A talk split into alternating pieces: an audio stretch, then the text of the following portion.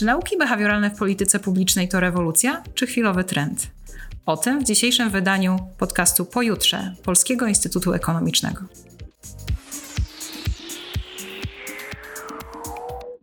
Pandemia pokazała nam, że o jakości życia społecznego decydują nie tylko regulacje, ale też, a może przede wszystkim, zachowania obywateli. Ale lepsze rozumienie zachowań i motywacji powinno przyświecać twórcom polityk publicznych nie tylko w czasie globalnego zagrożenia. Innowacje behawioralne pomagają skutecznie diagnozować i likwidować bariery w usługach publicznych, od edukacji przez zdrowie po transport publiczny. Przykładem są gry planszowe wykorzystywane do symulacji zachowań pasażerów w komunikacji publicznej. Takie narzędzia stosuje się nie tylko na świecie, ale także w polskich samorządach. Moim Państwa gościem e, będzie dzisiaj profesor Karol Olejniczak z Uniwersytetu e, SWPS w Warszawie. Naukowo zajmuje się on projektowaniem usług przyjaznych obywatelom oraz ewaluacją skuteczności polityk publicznych. W swojej pracy badawczej wykorzystuje gry, eksperymenty i projektowanie behawioralne. Jest laureatem i zdobywcą wielu prestiżowych nagród, stypendystą wielu programów w Polsce i za granicą. Aktualnie od przyszłego roku stypendysta e, programu Fulbright. Bardzo dziękuję, że przyjąłeś nasze zaproszenie. E, na początku chciałam Cię zapytać, co polityka publiczna ma wspólnego z architekturą? Dzień dobry, witam Państwa bardzo serdecznie. E, również bardzo, bardzo dziękuję za zaproszenie. Cieszę się, że możemy porozmawiać o takim ciekawym temacie. Mam nadzieję, ciekawym dla naszych słuchaczy. A co wspólnego ma z architekturą? Po pierwsze i przede wszystkim dotyczy nas ludzi. E, nas wszystkich, e, a po drugie może być przyjazna lub nieprzyjazna i myląca. E, I na pewno każdy z nas miał niemiłe doświadczenia, kiedy się zgubił kiedyś w jakimś źle oznakowanym budynku czy, czy w przestrzeni publicznej, albo zgubił się w gąszczu przepisów, pomylił przy jakimś wypełnianym druku.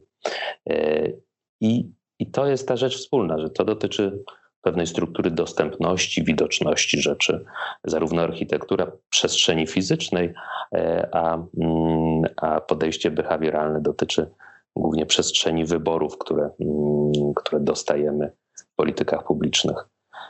E, no i to, to takie tworzenie czy projektowanie e, przestrzeni, projektowanie rozwiązań publicznych, to już Herbert Simon wspominał w latach 60. pisał o The Sciences of the Artificial e, i to dotyczyło zarówno architektury, jak i projektowania przemysłowego i projektowania polityk publicznych, rozwiązań y, y, dotyczących naszej przestrzeni.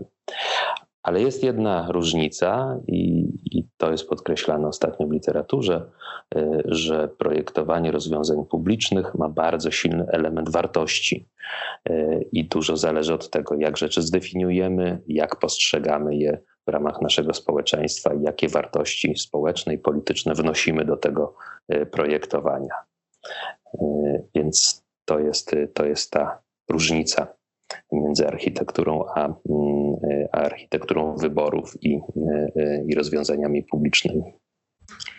Czy to projektowanie potrzebne jest dlatego, że jak się okazuje, nie jesteśmy typowym homo economicus i nie podejmujemy racjonalnych decyzji? Czy rozwiązania behawioralne w administracji publicznej e, wywodzą się wyłącznie z tego odkrycia, że, że jesteśmy, bywamy nieracjonalni, czy, czy chodzi o coś więcej niż zerwanie z tym paradygmatem?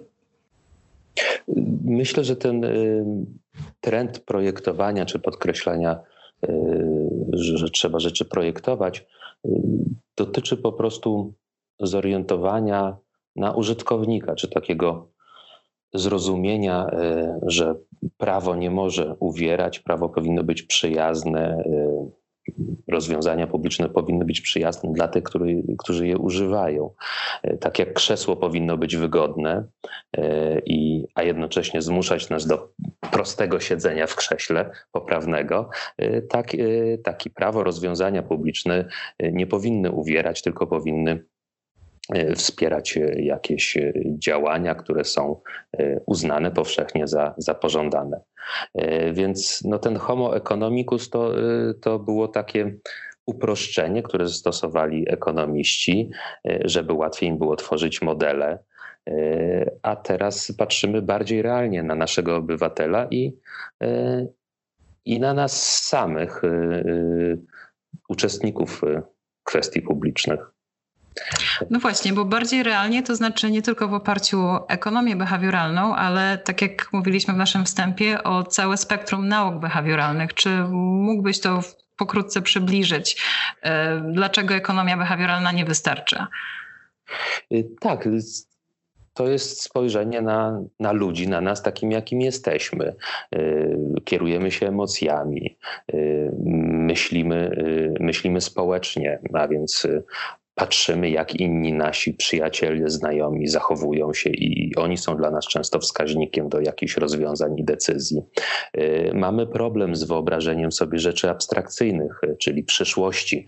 Przyszłość zawsze wygląda y, lepiej, a często inaczej niż, niż sobie wyobrażamy. Więc podejście behawioralne to jest po prostu urealnienie i projektowanie rozwiązań dla e, takich osób, jakimi jesteśmy, a nie dla jakiegoś wyidealizowanego mm, e, modelu, który wszystko na zimno i na chłodno kalkuluje, nie, nie zwracając uwagi na nikogo i, i, i na nic. Ale to co, to, co mm, w ostatnich latach się też pojawia, bo ekonomia behawioralna, czy to szersze podejście behawioralne politykach publicznych cały czas podkreśla, że y, projektujemy dla obywateli, a, dla, a nie dla jakichś robotów, y, dla tego hemoekonomikusa. Y, ale ostatnio zaczęło się też pojawiać bardzo ważna kwestia, że ci, którzy projektują, również są ludźmi i oni również mają swoje ułomności, ograniczenia i kierują się często właśnie błędami poznawczymi, które są dla, dla każdego z nas typowe, czyli jakieś ramowania, więc kotwiczenie, przywiązanie do status quo, nadmierny optymizm w różnych kwestiach. E, to wszystko e, na to nie są projektanci rozwiązań publicznych odporni, więc e, ta dyskusja dotyczy nie tylko dla kogo projektujemy prawo, ale również kto projektuje prawo i w jakie pułapki myślenia może wpadać podczas tego procesu.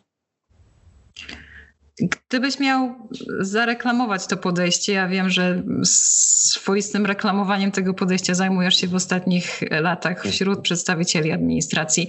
E, do jakich konkretnych rozwiązań czy praktyk odwołałbyś się e, przykładów udanych interwencji czy innowacji behawioralnych, które to tradycyjne, tradycyjne podejście polityki publicznej zmienia i udoskonala poprzez wykorzystanie e, wiedzy o tym, mhm. jacy jesteśmy? Y, podejście dla ludzi, y, które y, pozwala nam y, mniej energii kierować na zrozumienie, co, co rząd, co administracja publiczna ma dla nas przygotowane, a skoncentrować się na swoim życiu. Chyba każdy z, z obywateli w Polsce już tego doświadczył w pozytywnym tego słowa znaczeniu. Y, jednym z takich nurtów jest upraszczanie pism y, i również upraszczanie stron internetowych, czy tworzenie stron internetowych urzędów z perspektywy użytkownika. To jest taki szeroki trend, najprostszy, a jednocześnie y, wyraźny dla każdego z nas. Y, mm, zachęcanie do oszczędzania, y, kwestie prozdrowotne. Ostatnio, no może to jest mm, przykład, na którym jeszcze wciąż możemy popracować, kwestia segregacji śmieci. Wciąż jednak wizyta śmietniku i wyrzucanie śmieci mnie wprawia wciąż w głęboką konfuzję y, y, kolory. Chyba nie tylko ciebie, to tak. zdaje się być problemem uniwersalnym, niezależnie od szerokości i długości geograficznej. Tak, tak, ale nad tym, nad tym y, podejście behawioralne pracuje, jak uprościć oznaczenia śmietników i to, jak segregować rzeczy, żeby, żeby było ładniej i żeby było szybciej i łatwiej dla, dla obywateli. Więc to są proste rzeczy. W ostatnich y, tygodniach i miesiącach y, to są oczywiście ważne kwestie związane z walką z pandemią. Y, olbrzymie wyzwanie, które również przyniosło ekonomii, możliwość wykorzystania takich podejść behawioralnych, żeby pomóc obywatelom i pomóc rządom walczyć z tym wielkim globalnym wyzwaniem. No właśnie, skoro już mówimy o pandemii, w literaturze, w komentarzach pojawiały się e, różne opinie na ten temat. Czy to rzeczywiście jest obszar dla ekonomii behawioralnej? E, czy tutaj jednak nie lepiej sprawdza się ta mocna ręka państwa i jednak, jednak przymus? Jakie jest Twoje zdanie na ten temat? Y, ja patrzę na y, podejście behawioralne szerzej niż y, wyłącznie te ograniczenia poznawcze i, i zastosowanie właśnie nadży, czy, czy tych takich kuksańców, jak, jak one są tłumaczone na język polski. Szerzej to znaczy, że patrzenie na polityki publiczne przez pryzmat zachowań, które chcemy regulować. I ta pandemia pokazała, że u podstaw każdej skuteczności każdej z polityk są zachowania aktorów społecznych, zachowania osób y, i zachowania organizacji. Y, I, i w tu podejście behawioralne rozumiane szeroko się sprawdza, bo z jednej strony mamy przykłady mm, noszenia masek y, w Polsce, w Stanach Zjednoczonych. I oczywiście nakaz jest ważny, ale badania pokazują, że również odwołanie się do, do roli liderów, do wzorców postaw, e, e, którzy sugerują jakieś zachowanie, odwoływanie się do współpracy, do wspólnoty, do, do działania ponad podziałami działa lepiej niż wyłącznie e, strach przed mandat i jakaś konsekwencja prawna. Więc połączenie tych różnych kwestii y, może nam pomóc zwalczyć y, pandemię. Y, nawet ostatnio naukowcy w Science wskazywali, że na przykład używanie odpowiednich słów zamiast social distancing, physical distancing, podkreślanie, że to jest um, trzymanie dystansu fizycznego, ale nie, nie izolowanie się społeczne, że to lepiej trafia do społeczeństwa. No i i widać to, y, widać odpowiedzialność społeczeństwa polskiego i europejskich sytuacji i widać, jak niespójny przekaz w Stanach Zjednoczonych no, prowadzi do, do wciąż rozwijającej się pandemii, gdzie, gdzie liderzy nie świadczą dobrym przykładem, jak należy się zachowywać, i wielu osób czuje się skonfudowanych, zagubionych i, i działa niespójnie, a, a to daje pole do, do dalszych zarażeń. Mówisz tutaj wiele o tym, jak narzędzia behawioralne pomagają w egzekwowaniu e, prawa i, i, pewnych wytycznych, czy to w czasie pandemii, czy, czy innych regulacji, które aktualnie w określonej polityce e, są rozważane czy stosowane. Czy, czy to jest jedyne czy najważniejsze pole wykorzystania tych metod? Czy metody behawioralne mogą być przydatne w innych, na innych etapach e, cyklu polityki publicznej? Na y- przykład w wyznaczaniu samego jej celu. Y- patrząc z, z klasyką literatury y, polityk publicznych, te główne elementy cyklu polityk publicznych to jest agenda setting, czyli takie ustawienie, dostrzeżenie problemu i, i wzięcie go, mówiąc kolokwialnie, na tapetę i rozpoczęcie dyskusji publicznej, czy to jest kwestia służby zdrowia, czy kwestia zmian w edukacji, czy to jest dla nas ważne i, o tym, i tym się zajmujemy. A później drugi etap to jest projektowanie i to już jest wymyślanie konkretnych rozwiązań. No dobrze, mamy problem, wydaje nam się, z edukacją, to jak teraz y, y, chcemy naszym młodym ludziom pomóc i, ich, y, i, wzmocnić ich przyszłość? Czy będzie więcej uczenia się online, czy będzie mniej uczenia się online, mniejsze grupy, większe grupy. To, są już, to jest już projektowanie rozwiązań. Trzeci etap to jest wdrażanie, czyli jak to wszystko szkoły uciągną i, i jak będzie wyglądał ten e, system w praktyce. No i co jakiś czas e, ostatni etap ewaluacja, zastanowienie się, czy to się wszystko udało, czy, czy działa, czy efekty są odmienne od przez nas spodziewanych. E, I to podejście behawioralne, spojrzenie mm, przez pryzmat zachowań, e, tak jak mówię, osób, ale też e, aktorów instytucjonalnych, sprawdza się może nie na poziomie agenda setting, nie na poziomie dostrzeżenia problemu, ale na kolejnych etapach już tak. Czyli przy projektowaniu konkretnych rozwiązań, myślenie obywatelem, konkretnym użytkownikiem, myślenie przez pryzmat ucznia. To, to jest chyba takie kluczowe i rewolucyjne, że, że mm, jak mówimy o problemach społecznych czy wyzwaniach, to, to mamy tendencję do mówienia w takich kategoriach abstrakcyjnych celów, że edukacja musi być lepsza, żeby, e, żeby zapewniać przyszłość e, młodemu społeczeństwu. No dobrze, to co to konkretnie znaczy? Podchodząc z perspektywy behawioralnej, zaczynamy zastanawiać się, to znaczy, że chcemy pomóc młodym ludziom za 10-20 lat odnaleźć się, na, odnaleźć się na rynku pracy i chcemy ich przygotować do, do y, zawodów, które jeszcze nie istnieją, które dopiero zostaną wymyślone. No to co możemy zrobić? Jak możemy przygotować program e, studiów, e, program podstawówki, e, żeby przygotować ich do tej przyszłości. A wdrażanie to już jak ułożyć nasze instytucje, jak wspomóc tego właśnie obywatela młodego, użytkownika naszego systemu edukacji na kolejnych etapach, przez które będzie przechodził. Więc podejście behawioralne po prostu zmienia perspektywę. Patrzymy na konkretne osoby, konkretne grupy osób, użytkowników i to jest takie bardziej namacalne, mniej abstrakcyjne i miejmy nadzieję dzięki temu um, zmusza również tych projektantów do myślenia e, praktycznego i pomocy użytkownikowi e, rozwiązań publicznych. To jest absolutna rewolucja, że I my to doświadczamy tego teraz współpracując z samorządami e, w projekcie GovLab, kiedy samorządy przynoszą swoje problemy i mówią, że chcemy pomóc przedsiębiorcom, zasadniczo rozwijać przedsiębiorczość w naszym, e, w naszym mieście, w naszej gminie.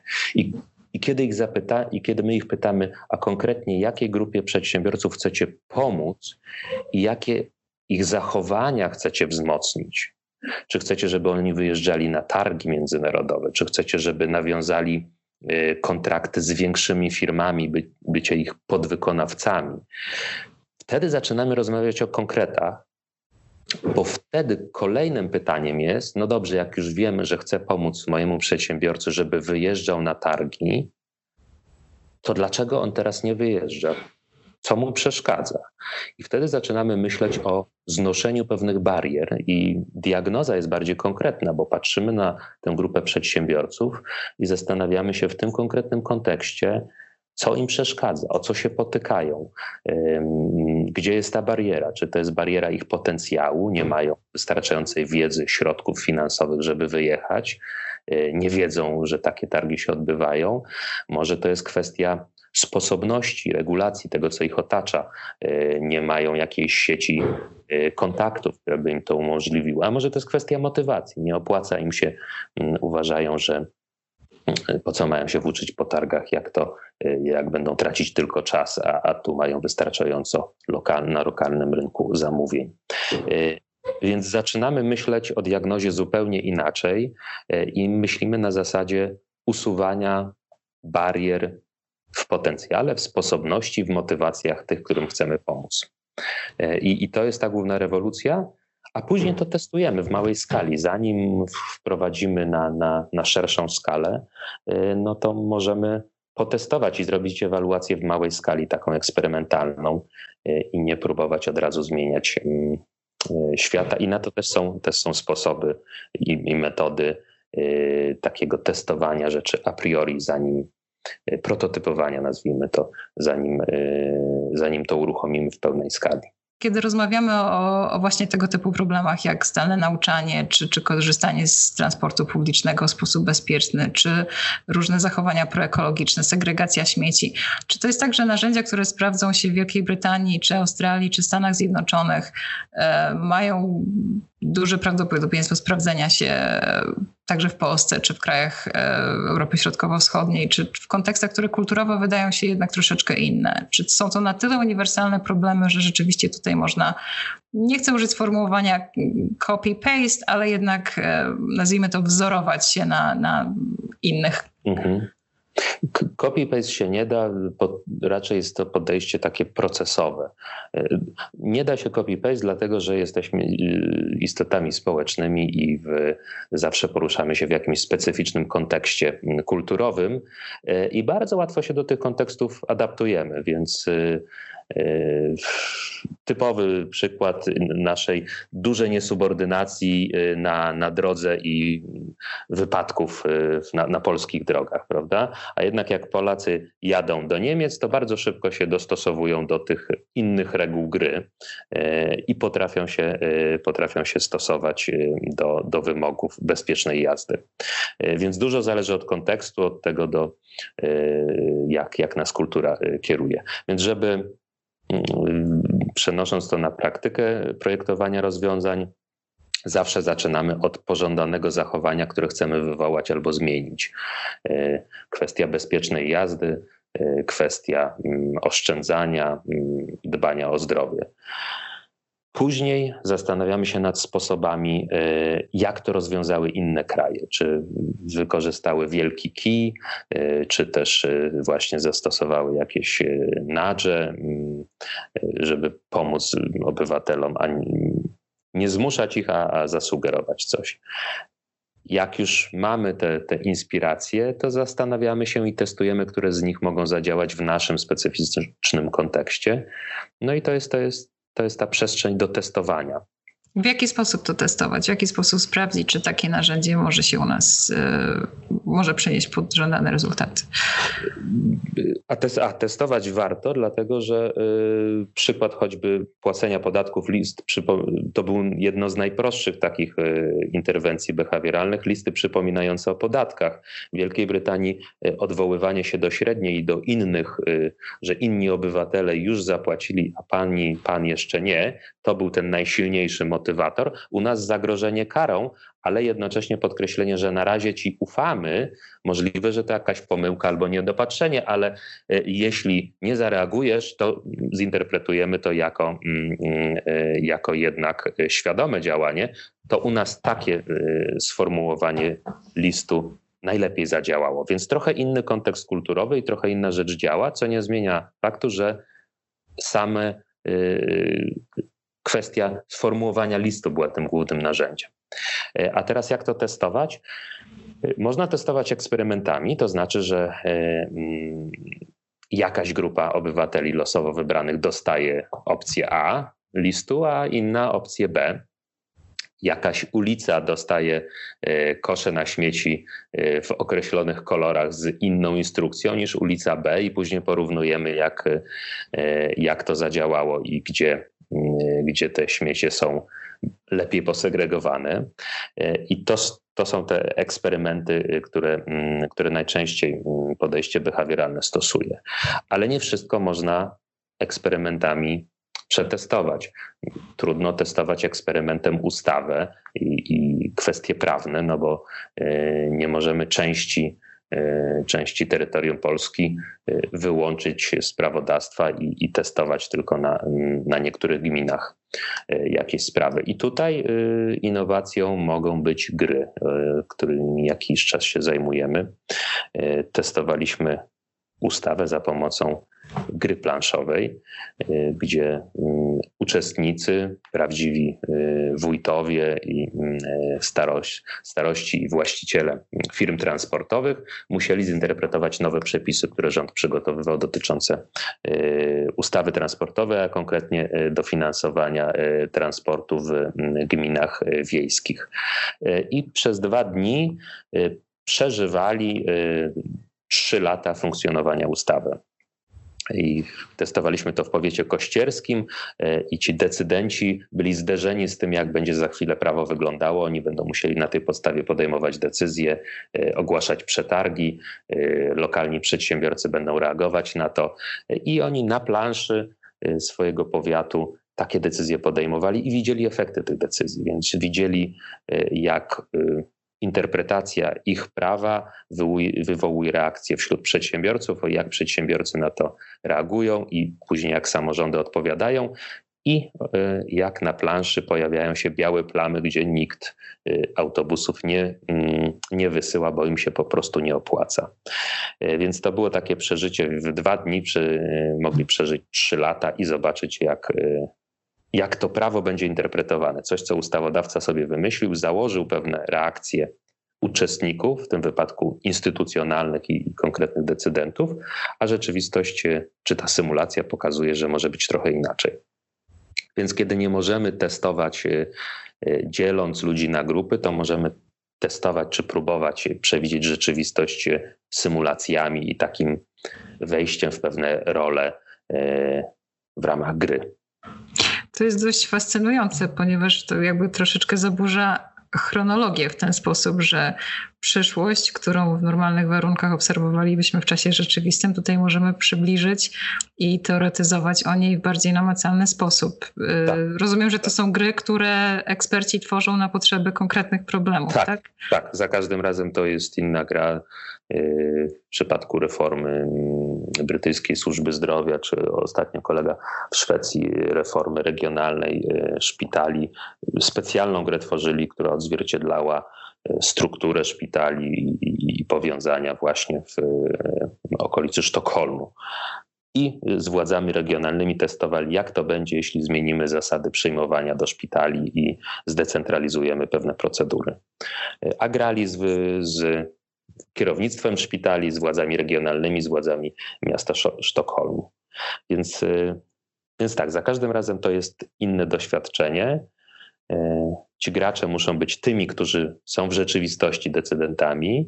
E, cała sztuka, żeby rzeczywiście się wciągnęli i, i czuli, że ta gra odpowiada ich rzeczywistości.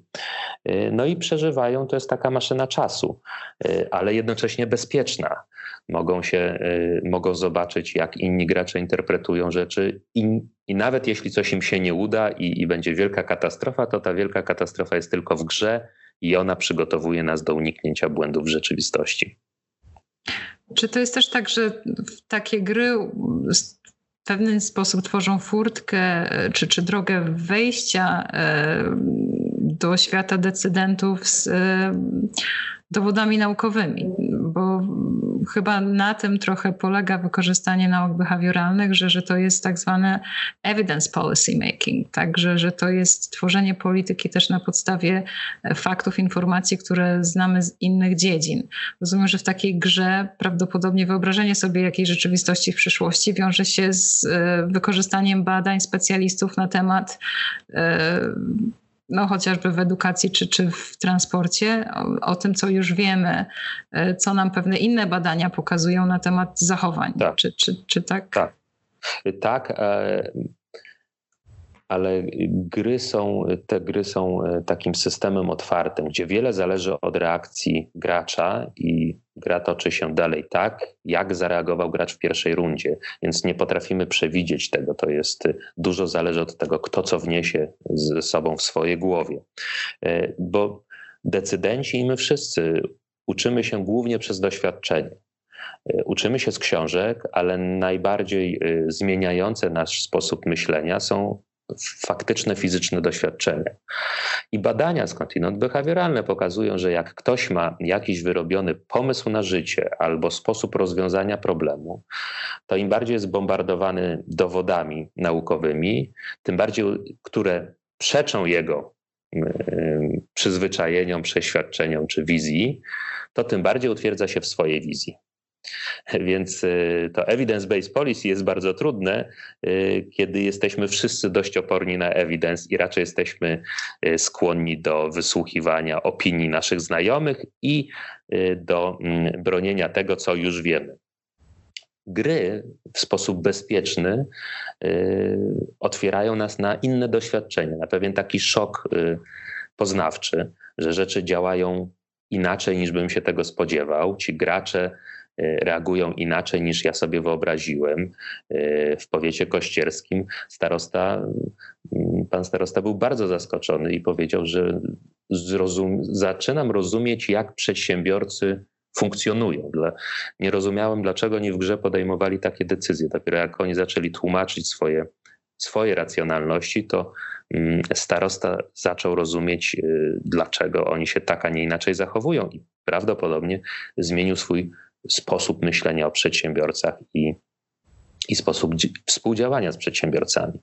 Więc gry są bezpiecznym, bezpieczną przestrzenią wystawiania na próbę naszych idealnych wyobrażeń o tym, jak rzeczy powinny działać. I, I, to jest chyba taka przewaga gier nad, nad eksperymentami, które. Gry też są swoistym eksperymentem, no ale pokazanie e, decydentowi słupków e, z wynikami i statystyki to, to jest dopiero początek pracy. E, natomiast w grze on doświadcza tego fizycznie i dzięki temu może sobie zmienić i poprawić swoje błędy poznawcze i swoje przeświadczenia. No jest to przede wszystkim chyba eksperyment, który nie y, angażuje samych obywateli jeszcze na tym etapie, tak? Tylko jest to eksperyment w pewnym sensie myślowy decydentów o tym, jak dalsze prace nad y, polityką tak, powinny wyglądać. Tak, choć w tym nowym paradygmacie y, bardzo często włączamy obywateli, bo obywatel jest współ, współdecyduje i włączenie obywateli w projektowanie rozwiązań które będą w przyszłości im służyć, jest bardzo ważne, więc e, często ten głos obywatela również pojawia się przy stole i, i jest też w grze odzwierciedlony. Czy to samo dzieje się w e, tajemniczo brzmiącym dla laika być może e, Policy Lab, czyli tak zwanych laboratoriach polityk publicznych. Czym, czym to narzędzie, czy, czy to instrumentarium różni się od podejścia, które proponują gry? Co to w ogóle jest? Byś mógł wytłumaczyć kilku słów. Gry, gry są jednym, jednym ze sposobów testowania, tak jak eksperymenty, o których wspomnieliśmy, też są jednym ze sposobów testowania rozwiązań. Policy Laby to jest taki szerszy proces, gdzie yy, to jest przestrzeń, w której wymyślamy rzeczy. Zapraszamy różne osoby. Yy, teraz, yy, teraz pracuj, rozpoczynamy z miastem Warszawa lab dotyczący mm, żywienia, e, a, a, konkretnie jak skrócić e, łańcuchy produkcji i zbliżyć tych, którzy produkują żywność z regionu Mazowsza do konsumentów, czyli, e, czyli mieszkańców Warszawy.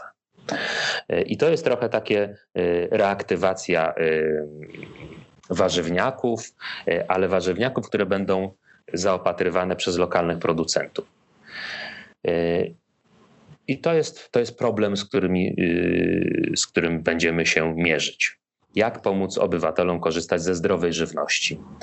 Yy, no i teraz to jest, to jest problem, a w labie zaczynamy wymyślać. Będziemy zapraszać obywateli do tego, żeby razem z nami zaprojektowali, jak taki idealny warzywniak mógłby wyglądać, żeby był przyjazny i, yy, i łatwy w dostępie. Będziemy zapraszali właścicieli y, warzywniaków i badali razem z nim, badali ich, ale też razem z nimi rozmawiali o tym, co im przeszkadza, co im pomaga prowadzić biznes i jaki plan biznesowy mógłby im pomóc y, zmienić tę rzeczywistość i lepiej dotrzeć do, y, do obywateli. Producenci żywności lokalni też będą zaproszeni, będą współuczestniczyć w tym, w tym procesie projektowania rozwiązań, które, które mają poprawić właśnie ekologiczne żywienie e, mieszkańców miasta. To e. jeden z przykładów, czyli, czyli w labie spotykamy się wszyscy zainteresowani danym tematem i wspólnie coś wymyślamy w procesie kreatywnym, a jak już to wymyślimy, to wtedy właśnie jest czas na eksperyment, na grę, na, mm, na jakieś przetestowanie, e, czy to, może, czy to, co wymyśliliśmy, zadziała i, i nam pomoże. I tutaj chyba w przeciwieństwie do architektury tradycyjnej, y, jednak troszeczkę łatwiej jest o pewną korektę, tak? bo o ile budynek, który nie spełnia y, wymogów czy swoich zamyślonych funkcji, a w który zainwestowało się mnóstwo środków y, i, i, i zareklamowało się jako coś, co ostatecznie nie spełnia wymogów, trudniej jest wymienić na coś, co po fakcie y, potrafimy lepiej ocenić y, na poziomie polityki. Tak i nie. Czy, I nie. Czy, jedną rzecz, czy jedną rzecz mogę dodać?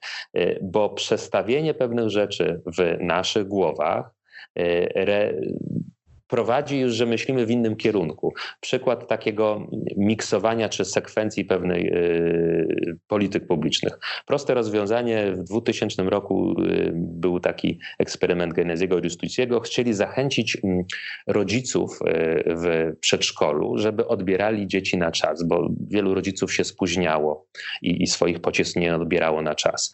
I przedszkole wprowadziło karę finansową. Po tym, jak drobną karę finansową e, wprowadzono za spóźnienie się i nieodebranie dziecka, okazało się, że liczba spóźnień się podwoiła. E, czyli więcej osób nie odbierało swoich dzieci na czas. W związku z tym wycofano karę finansową. I po tym, jak wycofano karę finansową i wrócono do status quo, to było jeszcze więcej spóźnień. Bo jak już ludzie raz się nauczyli, że to jest kwestia płacenia za usługę, że to nie jest norma społeczna, że wypada odebrać dziecko czasie, żeby nie siedziało tam biedne po godzinach, e, tylko ja płacę, no to mogę się spóźnić, e, no to później jak wycofano tę karę finansową, to już wszyscy myśleli, no to teraz mam coś za darmo, co wcześniej, wcześniej musiałem płacić. Więc sposób myślenia e, odbiorców już się przestawił z kwestii społecznych na kwestie transakcyjne i trudno później było to odkręcić. Więc paradoksalnie y, również w tej architekturze wyborów, jeśli już raz coś zrobimy, musimy się trochę zastanowić i potestować, y, bo jak już raz uruchomimy pewne procesy y, wśród nas, obywateli, to później trudno jest to odkręcić. Z perspektywy obywatela czy odbiorcy polityki publicznej, adresata tej polityki, to wszystko wygląda bardzo no, wręcz różowo tak? I, i przyjaźnie, że państwo chce nam pomóc i korzysta z nowych narzędzi, żeby ułatwić kolokwialnie życie obywatelowi. Skąd zarzut o manipulację e, w, w korzystaniu z narzędzi behawioralnych?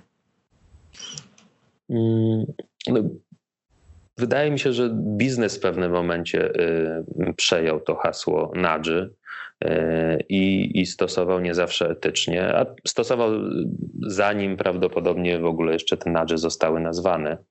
E, ustawienia domyślne w naszych telefonach komórkowych czy e, w płatnościach, które, które pobierają jakieś.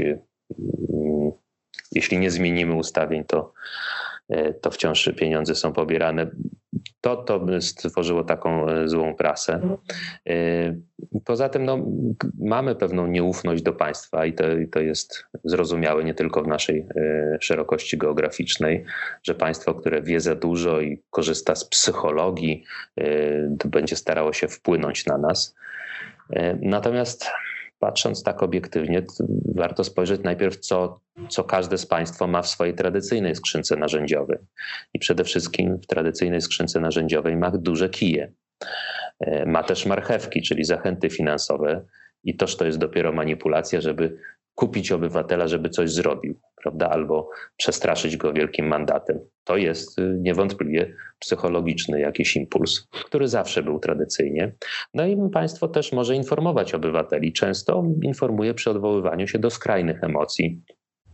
To widząc pudełko papierosów z, z wielką nalepką, jak wyglądają płuce palacza, to jest odwoływanie się do emocji. I to są tradycyjne narzędzia państwa.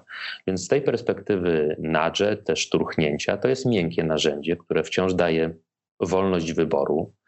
E, to też jest zmiany w porównaniu jak to nadżem stosujemy, czy jakimiś innymi zachętami, to są często zmiany w y, kilka, kilku punktów procentowych. Działa to lepiej w odróżnieniu do tradycyjnych metod.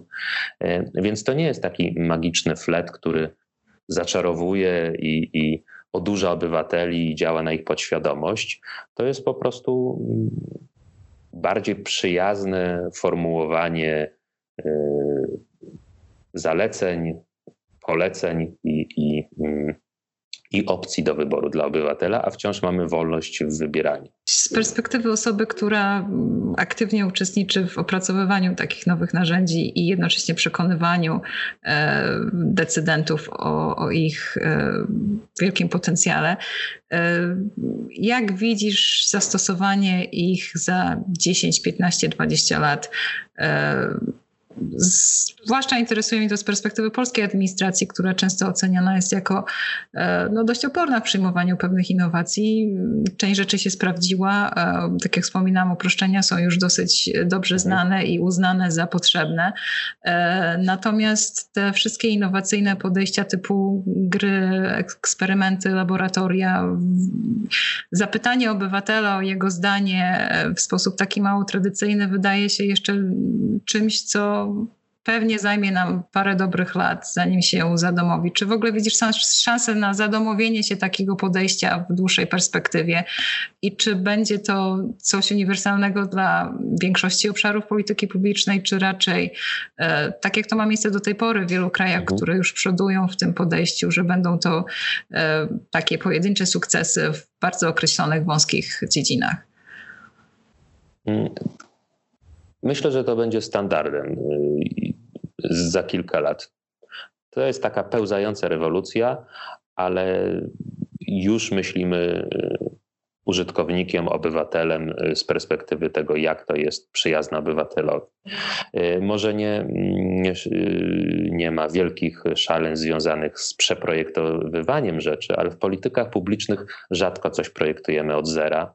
Raczej to jest takie codzienne majsterkowanie, dokręcanie czegoś, podkręcanie, poprawianie odrobinę. I tu te, to podejście się sprawdza, bo patrzymy na to, co już działa lub nie działa, patrzymy oczami użytkownika, uczestnika tego procesu i często to jest y, nawet nie nudge, czyli jakieś szturchanie, tylko termin, który mm, ostatnio się pojawia, y, profesor Soman z Kanady wykorzystuje i mówi o sludge, e, czyli to jest takie odmulanie e, rzeczy. Patrzymy, czy to zbyt nie było obciążające dla obywatela, czy, czy ten druk jest wystarczająco przejrzysty, czy to, że ma druk wysłać pocztą i jeszcze przyjechać osobiście do urzędu, czy to nadmiernie go nie obciąża i, i, i nie utrudnia działania. Więc upraszczanie rzeczy y, jest już powoli zaczyna być standardem. I to myślenie w kategoriach użytkownika, odbiorcy, współuczestnika takich procesów e, też, e, też będzie się działo. E, dzieje się bardzo dużo na poziomie miast, gmin, bo jest to oczywiście łatwiejsze, bo, bo to jest ten bezpośredni kontakt z obywatelem, to jest konkretna usługa w urzędzie, złożenia jakiegoś dokumentu, czy właśnie usługa edukacyjna, czy, czy te śmieci, o których opowiadaliśmy, kiedy każdego dnia się stykamy z, e, z tym doświadczeniem. I tego jest coraz więcej na poziomie miejskim, więc te laby miejskie e, są coraz bardziej popularne. Ale wydaje mi się, że na, na poziom e, krajowy również to będzie wchodziło. Tak, jednym z takich obszarów Polsce PARP bardzo intensywnie działa w kwestii labów, e, bo to dotyczy przedsiębiorczości i zaangażowania przedsiębiorców w różne rozwiązania. Mm. I teraz wydaje mi się, że, że pandemia i sytuacja po pandemii, która była trzęsieniem ziemi te ruchy tektoniczne związane w ogóle z naszym myśleniem o, o rozwoju e, kraju, o, o tym, co jest ważne dla społeczeństw, o tym, jak rzeczy powinny być zorganizowane i jak mało rzeczy kontrolujemy, y, jak się do tego dostosować, y, to zmusi nas do, do wielu eksperymentów, do przemyślenia pewnych rozwiązań w politykach publicznych. Y, I to majsterkowanie na, w laboratoriach polityk publicznych z zaangażowaniem obywateli myślę, że będzie coraz bardziej popularne. Bardzo dziękuję za rozmowę. Ja również. Widzimy, że w tym obszarze wiele jeszcze może się zmienić, że jest wiele do zrobienia. E, dziękujemy, że przybliżyłeś nam e, tajniki nowego podejścia do, do projektowania usług publicznych i możliwości korzystania z niego. Mamy nadzieję, że za jakiś czas będziesz mógł przedstawić nam wyniki swoich najnowszych prac. Bardzo dziękuję. Ja również pozdrawiam Państwa bardzo serdecznie.